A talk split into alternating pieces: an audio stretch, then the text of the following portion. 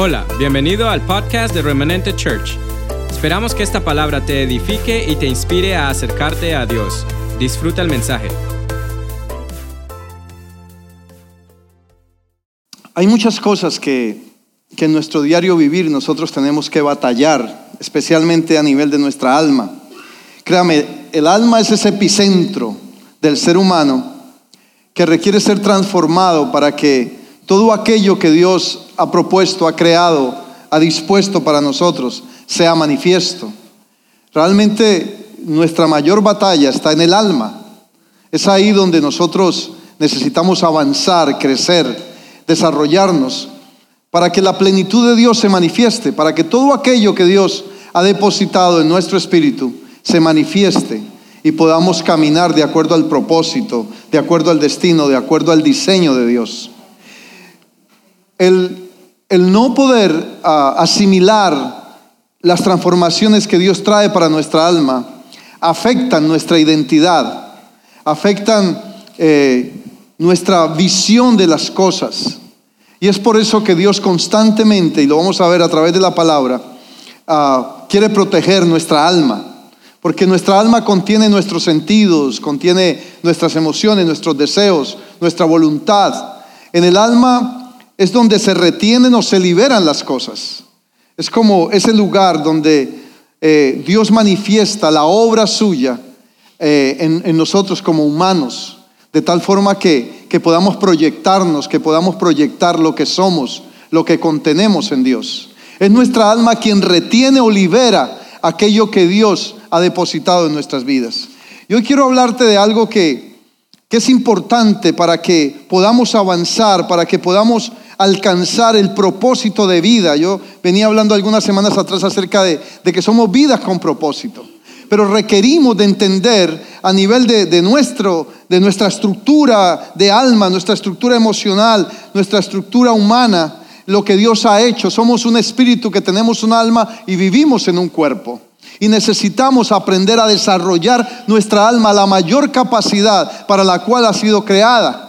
Es ahí en el alma donde nosotros contenemos eh, la decisión, el poder de decidir, el poder de ser transformados. Porque en el espíritu Dios nos hizo perfectos, pero en el alma, a causa de la caída, somos imperfectos. Entonces, es el trabajo de, la obra de Dios, del Espíritu Santo, conquistar nuestra alma, transformar nuestra alma, renovar nuestra alma, romper todo aquello que impida que lo que Dios ha hecho, que lo que Dios ha dicho, que lo que Dios ha preparado para nosotros aquí en la tierra, como lo cantábamos ahora, para que el cielo se manifieste en nosotros, es importante que nuestra alma sea transformada. Entonces yo quiero hablarte hoy de, ser eh, libre de fortalezas. Quiero hablar de eso. ¿Por qué? Porque en nuestra alma eh, hay enemigos, por decirlo de esa forma, que impiden, enemigos internos, que impiden que nosotros avancemos, que nosotros crezcamos, que seamos fortalecidos, que seamos hombres y mujeres que, que, nos desarrollemos con autoridad, con avance, con poder, con fuerza, con seguridad, con firmeza, con convicción. Fuimos creados para ser vencedores, fuimos creados para establecer un cambio en la tierra, fuimos creados para establecer una influencia en la tierra a través de lo que somos, a través de lo que Dios ha forjado en nosotros. Y es importante que tú y yo, como hijos de Dios, nos dispongamos a esa transformación del alma, a quitar todo obstáculo, a quitar todo aquello que impide que yo sea quien Dios quiere que sea. Amén. Por eso es importante derribar fortalezas. Y quiero hablar eso, de ser libres de fortalezas. Fortalezas que impiden que, seamos penetrables, que seamos accesibles, que seamos dispuestos, que seamos eh, instrumentos de cambio. Hay fortalezas en nuestra vida que se han forjado como mecanismos de defensa, como, como eh, cosas que nos han eh, establecido muros. y somos, como te digo, inaccesibles. ¿Cómo se han formado esas fortalezas? A través de los conflictos. Nosotros hemos sido expuestos a conflictos internos. Yo decía hace un tiempo que un conflicto sin resolver me, ocasiona un problema. Que un problema sin resolver me ocasiona una crisis. Y que una crisis sin resolver me ocasiona destrucción. Entonces Dios quiere transformar nuestra alma para que eso no suceda. Y vamos a verlo a través de la palabra cómo eh, hay influencia sobre nuestra vida. Mira esto. Nosotros fuimos creados para influencia, pero necesitamos ser influenciados también. La palabra nos da la capacidad y el valor para que seamos influenciados. Pero al mismo tiempo, nosotros somos agentes de influencia para otros. Pero si mi, mi, mente, si mi alma, si mi vida misma no es transformada, no podremos ser esos agentes de influencia. El mundo necesita este tiempo hombres y mujeres que seamos de influencia. Pero va a ser a partir de lo que somos en nuestra alma. Va a ser a partir de nuestra libertad. Va a ser a partir de nuestra transformación que vamos a poder tocar el corazón de otros. Que vamos a poder traer un cambio a los demás. Que vamos a poder proyectar lo que Dios ha hecho en nuestra vida. Pero si nuestra alma no está transformada, entonces van a haber fortalezas que lo impiden. Abra su Biblia. Porque estos conflictos internos de los que te hablo son un enemigo silencioso que se estacionan en nuestra alma, en lo profundo de nuestra mente, pero que en un momento se manifiestan impidiendo, se manifiestan en lo externo, convirtiéndose en un arma potente para destruir nuestra vida y destruir a los demás, destruir relaciones, relaciones de familia, relaciones de pareja, relaciones de negocio, relaciones de amistad, relaciones de iglesia. Cuando hay esos conflictos y se levantan esas fortalezas, entonces dañamos. ¿Por qué? Porque todo el mundo va a golpear contra esa fortaleza. Abra su Biblia en Segunda de Corintios, capítulo 10, versículo 3. Segunda de Corintios, capítulo 10.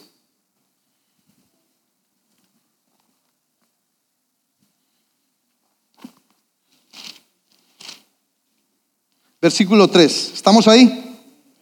Dice, pues aunque andamos en la carne, o sea, en nuestra humanidad, no militamos, o sea, no necesariamente es la debilidad de nuestra humanidad la que nos gobierna. No militamos según la carne. ¿Por qué? Porque las armas de nuestra milicia, o sea, las herramientas, la capacidad eh, que Dios nos ha dado, no son carnales, sino que son poderosas en Dios para la destrucción de fortaleza. O sea, no necesariamente tiene una fuente humana. Lo que Dios nos ha dado viene de Él. Y nos ha dado esas herramientas, esas armas, para que podamos destruir toda fortaleza. ¿De qué manera? Está hablándote de ser libre de fortalezas. Esas fortalezas son derribadas, derribando argumentos y toda altivez, o sea, toda soberbia, todo argumento, toda posición, todo concepto todo criterio que se levanta contra el conocimiento de Dios. Y dice que tomemos eso, esas fuerzas, esos pensamientos, esas fortalezas, y la llevemos cautivas, esos argumentos, a la obediencia a Cristo. Y dice, y estando prontos para castigar toda desobediencia cuando vuestra, vuestra obediencia sea perfecta. Una de las cosas que a través de los años yo he visto es como esa palabra, como la palabra hace esa radiografía en nosotros y nos muestra a través del Espíritu Santo la condición del alma y especialmente las fortalezas que impiden que un creyente sea accesible. Cuando hablo de fortalezas, hablo de aquellas barreras, aquellas cosas que en el alma impiden que otros puedan accesarnos. A través de los años, los conflictos desde niños, las cosas que hemos traído sin resolver, eh, conflictos, traumas, dolores, penas, ofensas, han ido construyendo esas fortalezas. A tal punto que cuando crecemos, llegamos adultos, hemos levantado un muro que no nos permite que otros puedan accesar, a veces que ni Dios puede accesar. Y déjame decirte, a veces creemos que la madurez es el producto del dolor.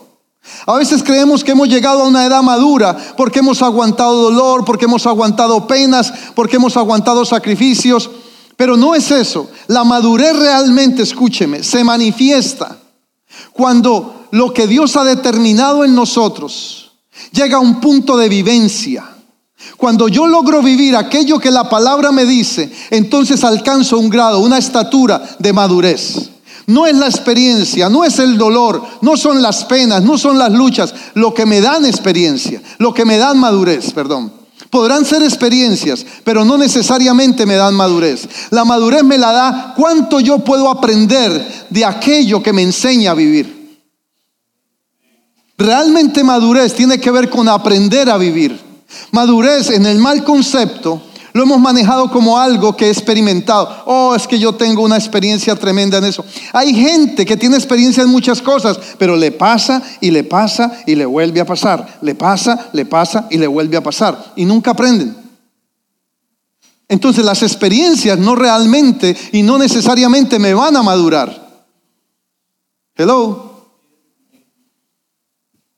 Mantienen cantando la canción. Tropecé de nuevo y con la misma piedra. Entonces, no necesariamente una experiencia traerá madurez a mi vida.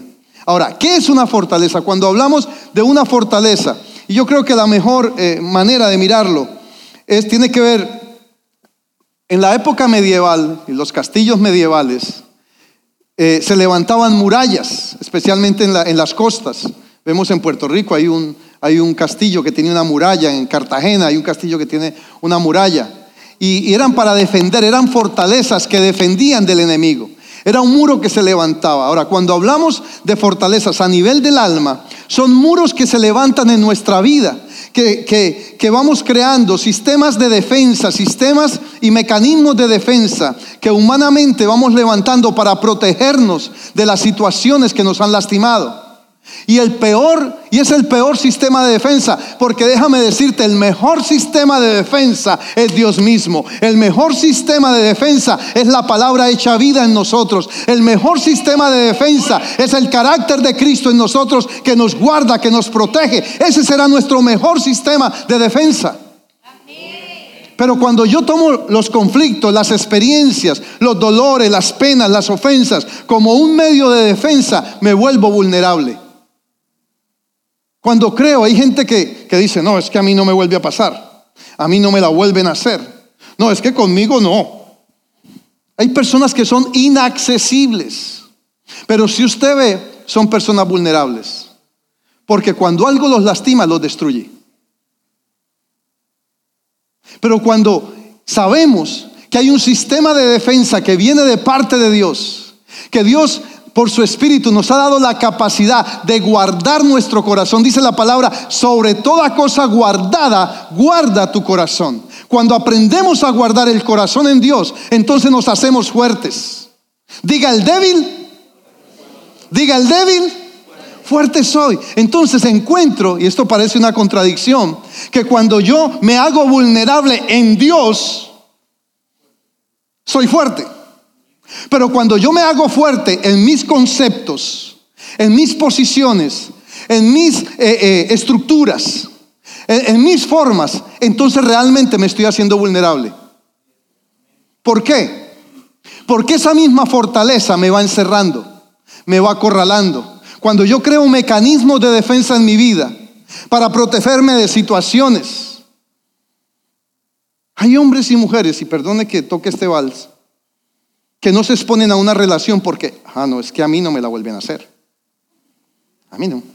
A mí. Yo sé que usted nunca ha dicho eso. Pero se vuelven infranqueables, se vuelven... Hay una barrera, hay una fortaleza que no permite, no hay acceso. Una persona que se le dice de pronto te amo. ¿Y este de qué habla? Porque son infranqueables, no hay nada que penetre su mente, no hay nada que penetre su corazón. Y a veces eso se ha vuelto una cultura en nosotros. Necesitamos romper esas fortalezas. ¿Para qué? Para que la obra de Dios, para que el Espíritu Santo, para que la palabra pueda penetrar nuestros corazones. Dice que ella penetra como espada de dos filos hasta lo, hasta lo más profundo. Pero cuando encuentra ese choque, esa fortaleza mental, emocional, estructural, de conceptos, de posiciones, de posturas, de criterios, de defensas mentales. Es imposible que penetre. Y hoy el poder del Espíritu Santo quiere penetrar esa fortaleza, quiere derribar esa fortaleza, quiere llegar a tu corazón, a tu mente y decir, yo quiero hacerte libre, yo quiero que disfrutes de aquello que he puesto en ti, dice el Señor. Amén. ¿Por qué? Porque como castillo. Usted no ha visto en los cartoons que de pronto viene el, el héroe así, Torny Jerry, cualquiera de esos, cuando está vestido de... Y, el castillo está y le bajan el puente. Y entra y ¡sí! Y luego le levantan el puente. Diga al que está al lado, baja el puente. Baja el puente. Para que alguien entre a tu corazón, a tu mente y, y poder derribar. Ahora, ¿cómo se forman esas fortalezas? Buena pregunta. Igualmente como la construcción de esa, de esa fortaleza, de ese muro, situaciones en nuestra vida sin resolver, conflictos, normalmente las fortalezas se forman de conflictos en nuestra vida sin resolver. A cualquier nivel, a nivel de pareja, a nivel de familia, a nivel de relaciones comerciales, familiares, eh, laborales, iglesia, de amistades. Pero las más comunes son en familia. Es ahí donde se levantan las mayores fortalezas. ¿Por qué? Porque estamos expuestos al día a día. En, la relación de pareja. Hemos creado aún entre nosotros mecanismos de defensa. Impenetrables. Y por eso las relaciones se empiezan a deteriorar. Porque no somos accesibles. Porque no somos tolerables. Hay un proverbio que yo aprendí hace mucho tiempo. Bienaventurados los flexibles porque nunca se rompen. Cuando uno aprende a ser flexible, no se rompe fácilmente. Es como un resorte. Coge un resorte, siempre va a haber una medida, pero mientras haya flexibilidad, nunca vas a ser roto, nunca vas a ser quebrantado. Cuando yo me anticipo a eso, ¿de qué manera? Vamos a llevarlo al, ejercicio. Yo ponía un ejemplo esta mañana. Necesitamos aprender a ser flexibles para evitar los conflictos, para romper aquello que impide que yo sea accesible. Por ejemplo, le, pongo le voy a poner un ejemplo. Tres palabras. Y voy a ser bien, bien infidente. Tres palabras que yo usaba recién casado, que mi esposa me las tuvo que cambiar. Y para mí eran una tontería. Tres palabras que para mí eran una bobada. Pero para ella era trascendente. No le gustaba que yo le dijera nunca, que yo le dijera siempre y que le dijera no eres capaz. ¿Por qué? Porque se la voy a aplicar, porque suenan fuertes, pero se la voy a aplicar a nuestra costumbre, a nuestra tradición, a nuestra jerga. Yo le decía, eh, pero es que tú siempre me tal cosa. Ah, es que tú nunca tal. Eso es muy de nuestra jerga. O a veces le decía, nosotros usamos los colombianos mucho el dicho, no fuiste capaz de hacerme la sopita. O sea, de hacer tal cosa, algo que uno quiere. Para mí era una tontería porque eran dichos, pero para ella era trascendente. Yo entendí que si yo no corregía eso, yo iba a crear un conflicto en ella. Y me molestaba eso y decía, pero es exagerada, pero yo creaba un conflicto en ella. Entonces entendí que si yo no resolvía ese conflicto, se me convertía en qué? En un problema. Y que si yo no le ponía cuidado a ese problema, se me iba a convertir en una crisis. Mire bien y verá que usted llega a crisis en el matrimonio o en cualquier relación porque no tiene cuidado de los conflictos. Porque lo deja ahí. Esta vieja así que friega. Diga ay, diga amén, diga algo.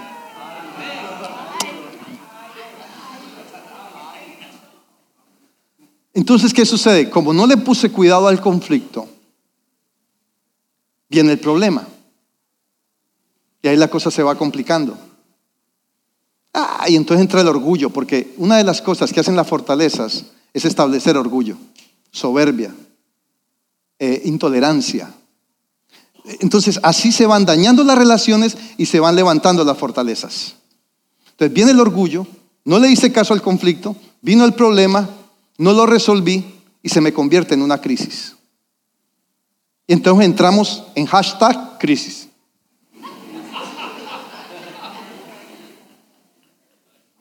Entramos en crisis.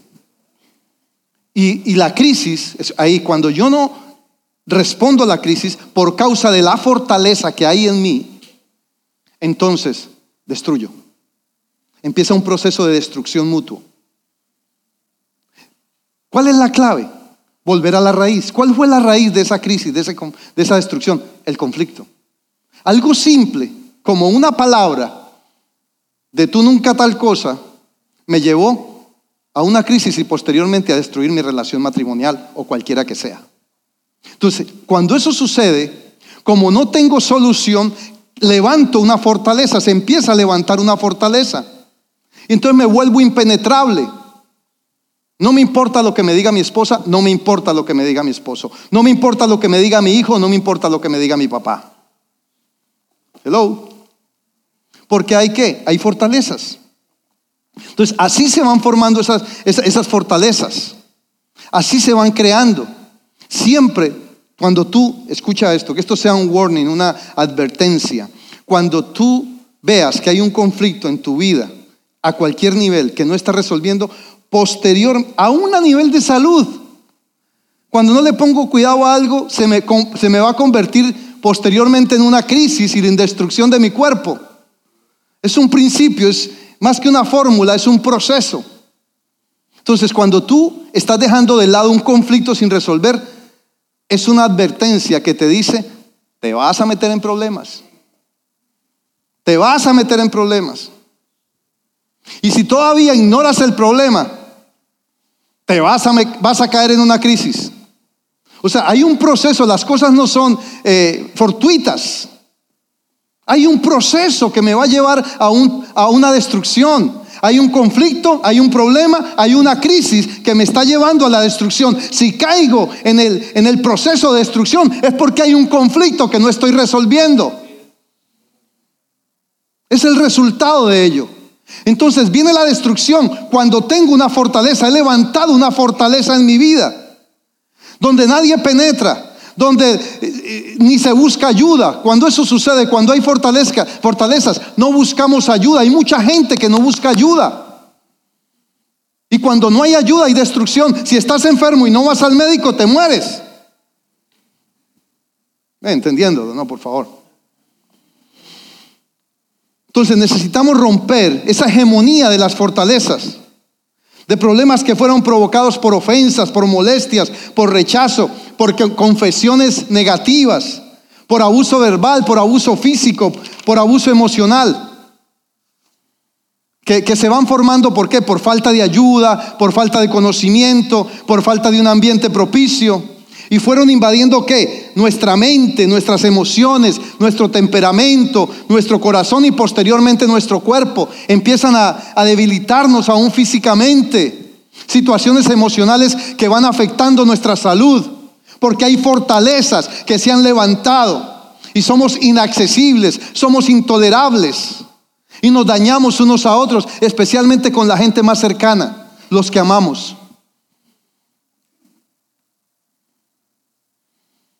Y entonces esto se empieza a convertir como parte de la estructura de mi vida. Entro en un proceso de dureza, en un proceso de orgullo, en un proceso de soberbia. Soy inaccesible. Creemos que, que podemos llevarnos a todo el mundo por delante. Es que yo sí le digo la verdad, porque la verdad duele. no, la verdad no duele. Mi Biblia dice que la verdad libera. Ya me dijeron que en Brasil también dicen así. Que la verdad duele. No, la verdad no está hecha para doler.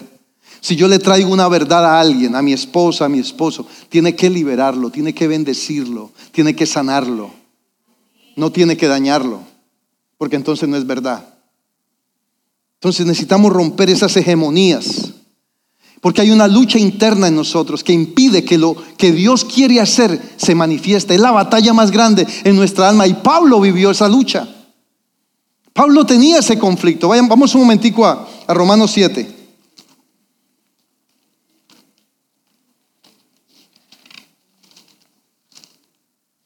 Versículo 15.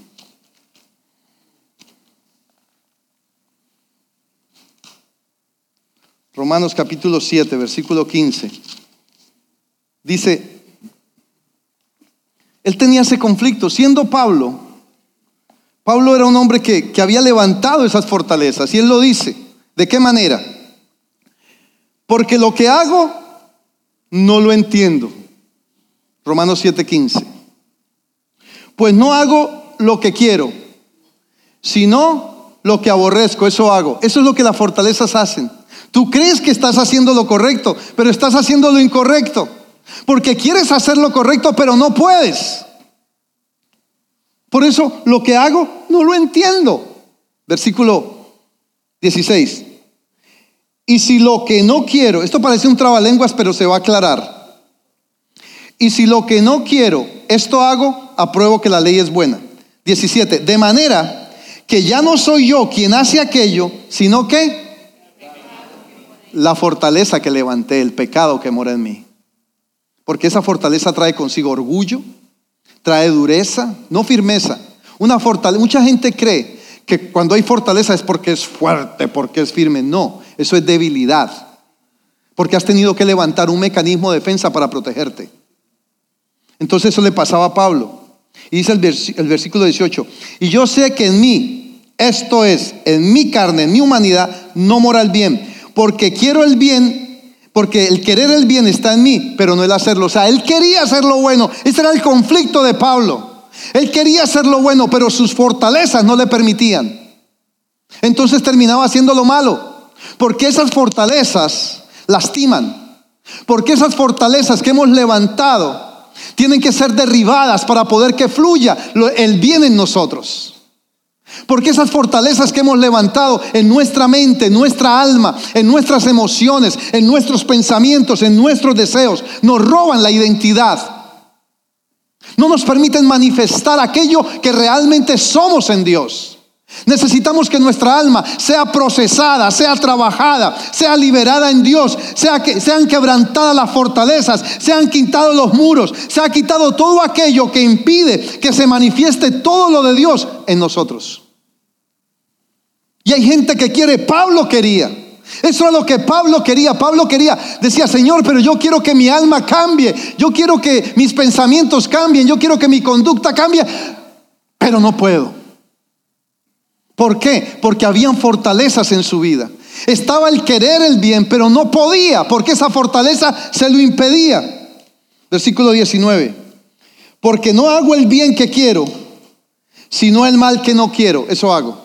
Cuando hay fortalezas, va a ser difícil hacer el bien, aunque queramos. Entonces hay gente que vive de la intención. El problema de las fortalezas en nuestra conducta es que, queremos hacer el bien, pero al momento de hacerlo no lo hacemos. Por eso es que gente dice, ah, pero no era mi intención, pero igual daño. Y eso pasa mucho en nuestras relaciones de pareja. No tenemos intención de dañar, pero dañamos en nuestra relación de familia.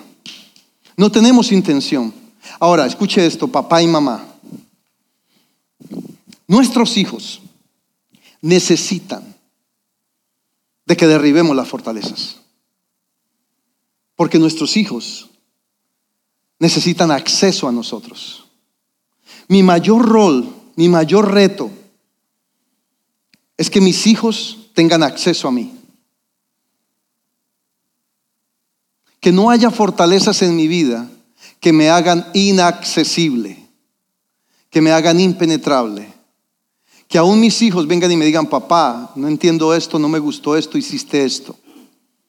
Lucas a veces me jala las orejas, me dice, no me pusiste cuidado con esto que te dije. Y es verdad, a veces estoy tan metido en cosas que, que no le estoy poniendo atención. Y él requiere. Por eso yo puedo estar con cualquier persona en mi oficina y él me toca la puerta, yo lo atiendo. Porque él, necesita saber que él tiene acceso a su papá todo el tiempo. Yo puedo estar hablando con quien esté hablando y él me habla, yo trato al máximo. A veces se me pasa y por eso él me reclama. Pero nuestra esposa, nuestros hijos, la gente de nuestro círculo necesita tener acceso a nosotros. Y para ello necesitamos derribar esas fortalezas. Hemos levantado mecanismos de defensa que dañan, dañan las cosas. Y a Pablo le pasaba eso. Dice el versículo 20. Y si hago lo que no quiero, ya no lo hago yo, sino que mi humanidad, el pecado que mora en mí. Así que queriendo yo hacer el bien, hallo esta ley, que el mal está en mí. Porque según el hombre interior, o sea, el del espíritu, el que yo te hablaba hace un rato, Me deleito en la ley de Dios, pero veo otra ley en mis miembros, o sea, en mi carne, en mi, en mi humanidad, en mis formas, en mis pensamientos, en mi alma, en mi estructura, que se revela contra la ley de mi mente y que me lleva cautivo al pecado que está en mis miembros. ¿Por causa de qué? De que no hay libertad. Por causa de que estamos cautivos y presos dentro de esas fortalezas. Estamos aislados. Esas fortalezas nos han aislado. Sí vivimos con la gente, con una familia, con una esposa, con unos hijos, pero estamos aislados. ¿Por qué? Porque no somos penetrables, no somos alcanzables, no es posible accesarnos. Tú, para vivir una vida sana de relación, necesitas ser accesado. Ser accesado por tu esposo, por tu esposa. Ser accesado por tus hijos. Ser accesado por la gente. Ahora, ¿cuáles son las fortalezas más comunes? ¿O qué es lo que realmente ha causado esas fortalezas en nosotros? Una de ellas son el rencor, la falta de perdón. De ahí parten muchas cosas. Porque a veces vivimos con nuestra esposa y nuestro esposo, pero estamos resentidos. Hay fortalezas ahí levantadas. A veces nuestros hijos, revise que su hijo no tenga algo contra usted. Revise que su pareja, que su esposo, que su esposa no tenga algo contra usted. Pregúntele a sus hijos, siéntese con sus hijos. A veces no es fácil, ellos no hablan mucho. Pero siempre, por lo menos ellos van a decir, le importo a mi papá, le importo a mi mamá. Y derribe esas fortalezas. No tenga fortalezas en su vida hacia su familia. Cuando eso sucede, usted le está cediendo un campo al enemigo. Usted le está cediendo un campo a las circunstancias. Pero usted y yo tenemos la responsabilidad de tener cuidado del ambiente que creamos en nuestra familia, en nuestro entorno, en nuestras relaciones. Porque es a partir de ahí que va a haber acceso. Es a partir de ahí que va a haber un ambiente de, un ambiente de seguridad, un ambiente de amor, un ambiente donde aún las faltas son cubiertas. Necesitamos crear ese ambiente, necesitamos derribar esos argumentos, esas fortalezas, aquellas cosas. Si hay rencor, pues vamos a ponernos en línea para que no se formen en nuestro medio, porque me van a aislar. El rencor me aísla. Otra de las, de las fortalezas fuertes tiene que ver con el miedo, con el temor. ¿Y esta en qué sentido? No solamente hacia ciertas cosas, pero nos hace desconfiados. Uno de los mayores problemas hoy en día es la desconfianza. Se ha vuelto virtud la desconfianza. Creemos que la mejor manera de defenderme es desconfiar. ¿Y sabe lo que pasa con esto? Esta fortaleza afecta nuestra fe. Porque así como dice la palabra, si no amo a Dios que no veo, ¿cómo voy a amar a mi hermano que veo? Perdón, si no amo a mi hermano que veo, perdón, ¿cómo voy a amar a Dios que no veo? Igualmente, ¿cómo voy a creer si no creo en mi hermano que veo? Opera el mismo principio. ¿Cómo voy a creer en Dios que no veo? Escucha esto. No hay más fe por Dios lo voy a decir bien para que lo, entendamos mejor. Yo no puedo decir que tengo fe en Dios cuando no creo en las personas.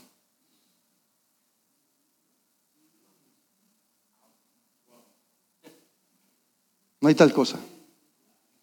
No hay tal cosa como desconfiar de todo mundo y decir que tengo la gran fe. Porque la fe es un principio que aplica para todo. Para creer en Dios y para creer en los demás. Hello. La fe, ¿por qué? Es lo mismo principio del amor. ¿El amor fue creado solo para amar a Dios? ¿Para qué fue creado? Para amar a Dios, para amar a, Dios, para amar a, a mí mismo y para amar a quién? A mi prójimo. Ahora hablemos de la fe. ¿La fe es solo para creer en Dios? No, la fe es para creer en Dios, para creer en mí mismo y para creer en, el que está a mi lado. Pero hay una cultura de desconfianza y eso es una fortaleza. Diga ay, diga amén, diga algo. Entonces ya no creemos unos en otros. Es lo peor que nos está pasando, porque dudamos de todo. Dudamos de todo.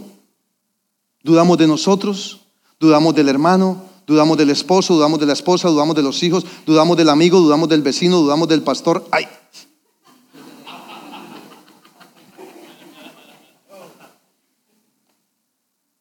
Porque son fortalezas que, que, que nos separan de la fe. Todo esto, toda fortaleza que nosotros levantamos, nos ponen al otro lado de los principios, nos ponen al otro lado de la verdad. Entonces, la otra fortaleza fuerte, valga la redundancia, es el orgullo. El orgullo es de los mecanismos de defensa más grandes que hay en el ser humano. Porque el orgullo me hace levantar una imagen que no tengo y proteger una imagen que es improtegible. Alguna vez lo dije, el orgullo protege la imagen, la humildad protege el testimonio. Póngalo en Facebook. El orgullo protege la imagen. Siempre el orgullo va a proteger nuestra imagen. Y sabe una cosa, los hijos de Dios no tenemos necesidad de cuidar imagen. Dios guarda nuestro testimonio. ¿Por qué? Porque la imagen es algo que de una manera u otra siempre será vulnerable. Siempre será. La, la imagen de Cristo fue vulnerable. Lo juzgaron, lo condenaron, lo señalaron. Y porque el orgullo nos, nos lleva a la soberbia y nos volvemos implacables con los demás. Por eso es lo que te decía. Usamos, el orgullo nos lleva a una sinceridad implacable. No, es que yo siempre voy a decir la verdad aunque no le guste. Una cosa es la verdad y otra cosa es la imprudencia. Son dos cosas muy grandes. Escuche esto, mire. Si usted quiere realmente decirle la verdad a alguien, el Salmo 85 dice, la verdad y la paz se encontraron. La misericordia, la misericordia y la paz se encontraron. La justicia y la verdad se besaron.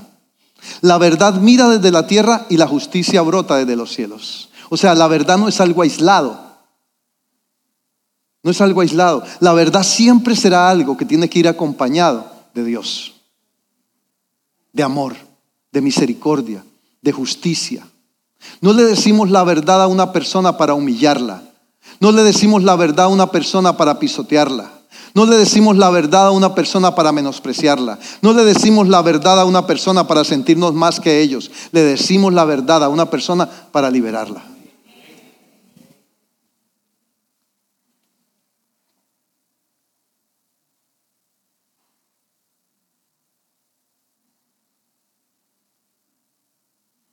En fin, podemos identificar muchas de esas fortalezas en nuestra vida. Hay fortalezas que necesitamos identificar, de temor, de orgullo, de,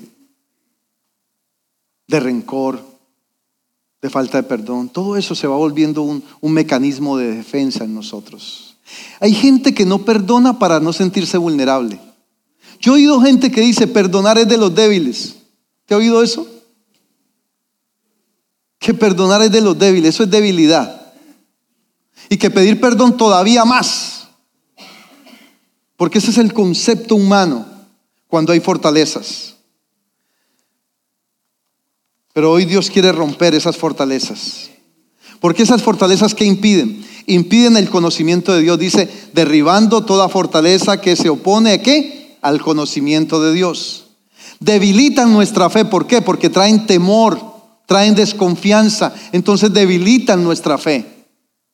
Nos mantienen cautivos porque somos como encerrados en un castillo, en una fortaleza, donde estamos aislados, donde, no, donde las emociones no fluyen, donde nos, nos creamos mecanismos de defensa para no sentir. Entonces por eso usted ve personas que usted trata de ser amables, especiales, darles un abrazo, y usted se encuentra con un témpano de hielo. ¿No le ha pasado? Que usted va a dar un abrazo y usted siente que como que, uy, se bajó la temperatura.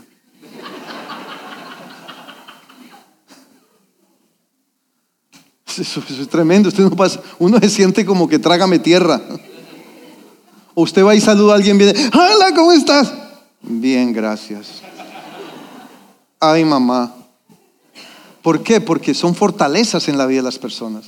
No, no es de juzgarlas, son esas fortalezas que se levantan y se oponen a lo que Dios dice. ¿Qué dice Dios? De amor entrañable. Que seamos de amor entrañable, dice la palabra en Filipenses.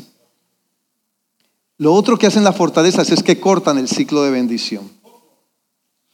No hay cómo penetrar, el, espíritu no puede penetrar, cortan el ciclo de bendición en nuestra vida, porque no hay acceso. Nos volvemos presa fácil del enemigo, porque el enemigo mantiene a la gente cautiva en esas fortalezas, en esos lugares, aislados, aíslan. Y son personas que se lastiman constantemente y al mismo tiempo se endurecen. Dice la palabra que su conciencia, su corazón es entenebrecido, es endurecido. Otra de las cosas que hace eh, que nos debilitan espiritualmente. ¿Por qué? Porque el espíritu no puede fluir donde hay una fortaleza. Hay, un, hay una oposición, hay algo que, que se opone. Dice que lo que se opone a la palabra, que se opone a Cristo. Y por último, te enferman. Entonces necesitamos derribarlas. Y yo creo que a estas alturas del partido, del mensaje, yo creo que Dios te ha estado hablando. Hay cosas que Dios nos está mostrando siempre. Necesitamos revisar esto. ¿Para qué? Para que fluya la gloria de Dios. Dios quiere hombres y mujeres que su alma sea libre.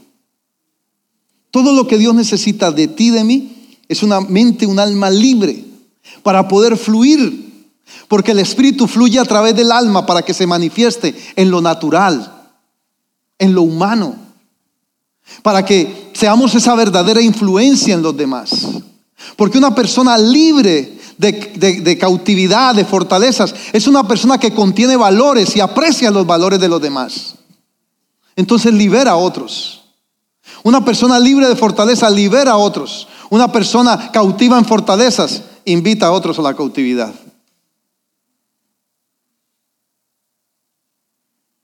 Pero más que invertir tiempo en esto, Déjame decirte algo ya para terminar. Lo que impide que nosotros crezcamos en Dios, que avancemos, no es nuestro espíritu. Tú tienes el espíritu de Dios. Tú tienes la presencia de Dios en tu vida. Pero si tu alma está cautiva, esa gloria no puede fluir. Ese es el gran problema nuestro. Venimos delante de Dios y aún Dios mismo no puede penetrar porque Él no va a tocar tu voluntad. Él va a dejar que tú liberes tu voluntad para Él. Y es como, piense de esta manera, aquí está el espíritu, el alma que tiene fortalezas, las fortalezas en nuestra vida, nos aíslan de qué manera. Piense que aquí está el espíritu, aquí está el cuerpo y aquí está el alma. Si el alma está cautiva, está encerrada, no lo que Dios pone en tu espíritu no podrá accesar lo natural, porque tu alma es el puente. Es el puente que Dios usa para que su gloria se manifieste en lo natural. ¿Me estoy haciendo entender? Por eso somos espíritu, alma y cuerpo.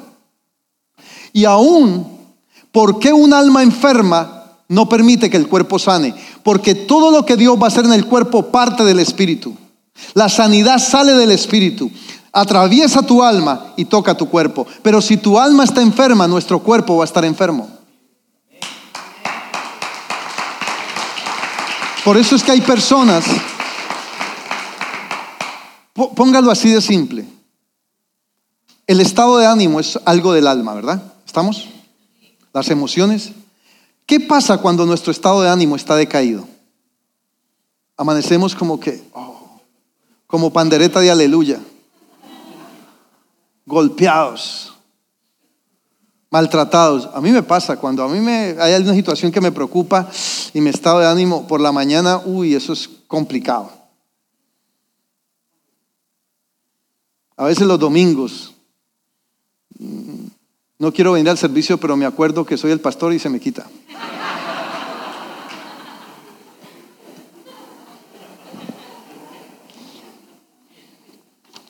Entonces necesitamos derribar esas fortalezas. Necesitamos romper aquello que hemos levantado a través de años, de procesos, de dolor, de penas, de conflictos sin resolver, de retener ofensas. No retenga la ofensa. El mayor constructor de la fortaleza es la ofensa. Porque la ofensa, ¿usted no ha notado que usted, uno se hace el ofendido? ¿Usted nunca se ha hecho el ofendido? Especialmente en la vida de pareja. ¿Cómo está? Bien. Mamita, ¿cómo te fue hoy? Bien. Usted no ha vivido esto, esto pasa por allá en Colombia o por allá en Brasil, es que pasa eso que más lejos. Nos hacemos los ofendidos. Hermanas, cuenten la verdad, cuenten la verdad, cuenten la verdad que la verdad libera. Retenemos ofensa y nos volvemos controladores. Porque vaya un hombre que vea a la esposa ofendida, uno se pone mamita. se pone uno como cachorrito. Uno no sabe ni qué hacer y le busca por el lado y por el otro lado. Mm. Y cuando ellas saben, se lucen. Saben lo que hay, dice, aquí hay material para mí. Y empiezan a pensar, ¿qué era lo que yo quería? Y el esposo a pagar. Entonces, mantenemos pagando ofensas. Hello. Ay, mamá. Pero no resolvemos el conflicto. Pagamos por él. Hello. Pague, está bien. Cóbrele si quiere, pero arréglelo. Cobre lo que sea, pero no se quede en el conflicto. No se quede en la ofensa.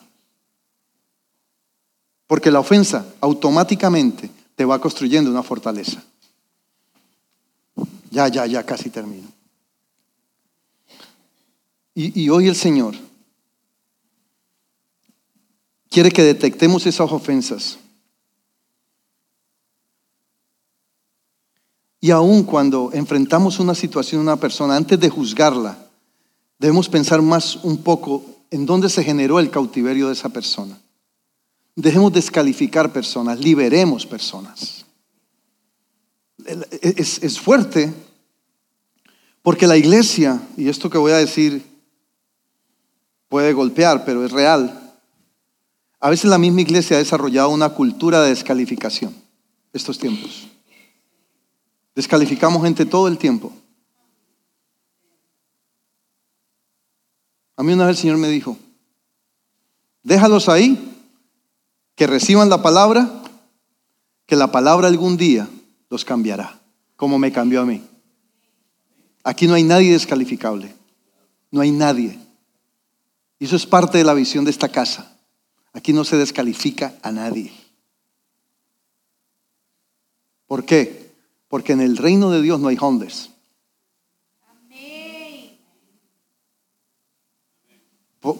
Mirando la, la, barrera eh, social, no estoy hablando de eso, por favor, entiéndame lo que estoy diciendo.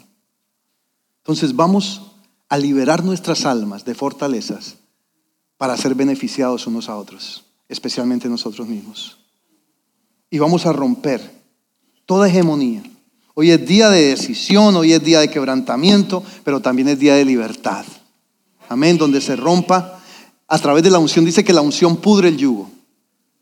La unción que está en nosotros pudre todo yugo, derriba toda fortaleza, todo muro. Si tú entiendes esto, tú vas a ser libre. Si tú entiendes esto, si tú decides de tu propia voluntad renunciar a toda fortaleza, tú vas a ver que de pronto hay algo que se libera en tu vida y cosas empiezan a cambiar. Tu ambiente empieza a cambiar. Aquello que estaba retenido se libera. La bendición se libera. Tu vida empieza a avanzar. Empiezas a proyectar vida a otros y disfrutas vida.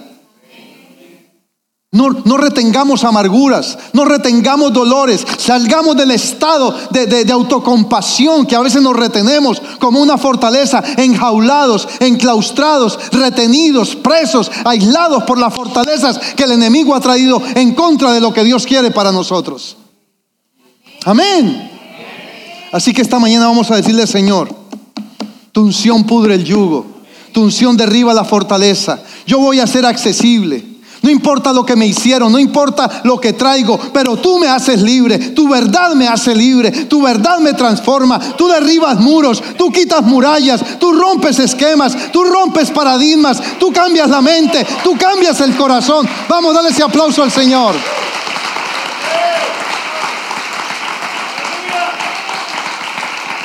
Y vas a ver Dios se ha propuesto transformar nuestra alma. Es el tiempo de la transformación del alma. Es el tiempo de que a través de ello los milagros fluyan. A veces estamos esperando que se supla una necesidad, pero hay una necesidad más grande en nosotros y es ser libres de toda cautividad, libres de toda fortaleza, libres de toda cosa que nos detiene y necesitamos fluir para disfrutar del paseíto. Todos vamos a ser salvos. Yo sé que usted es salvo, pero disfrute el viajecito. Necesitamos disfrutar esto. Y eso se disfruta cuando el alma es libre. Cuando hay cautividad, hay conflicto, hay dolor, hay molestia, todo nos incomoda. Nos saludan y respondemos con una piedra en la mano, porque hay inconformidad. La persona que está cautiva en fortalezas es una persona que no fluye, es una persona que no es accesible, es una persona que, perdóneme, pero no es agradable. Y nosotros fuimos creados para ser agradables. Dios quiere que tú seas agradable. Gente quiere que tú seas agradable. Gente quiere verte sonreír. Gente quiere que si estás contento se lo dejes saber a tu cara. Dale ese aplauso al Señor. Amén. Póngase de pie. Aleluya, Señor. Padre, gracias, Señor. Diga conmigo en el nombre de Jesucristo. Hoy renuncio a toda fortaleza en mi vida Declaro que renuncio a todo conflicto sin resolver. Declaro que se rompe toda crisis en mi vida que me llevó a una fortaleza. Se rompe todo temor, todo orgullo, en el nombre de Jesús. Señor, para que tu espíritu fluya a través mío. Dígale, Señor, sana mi alma, sana mi mente Haz que mis pensamientos se alineen contigo, con tu palabra. Y hoy me declaro libre y accesible en el nombre de Jesús.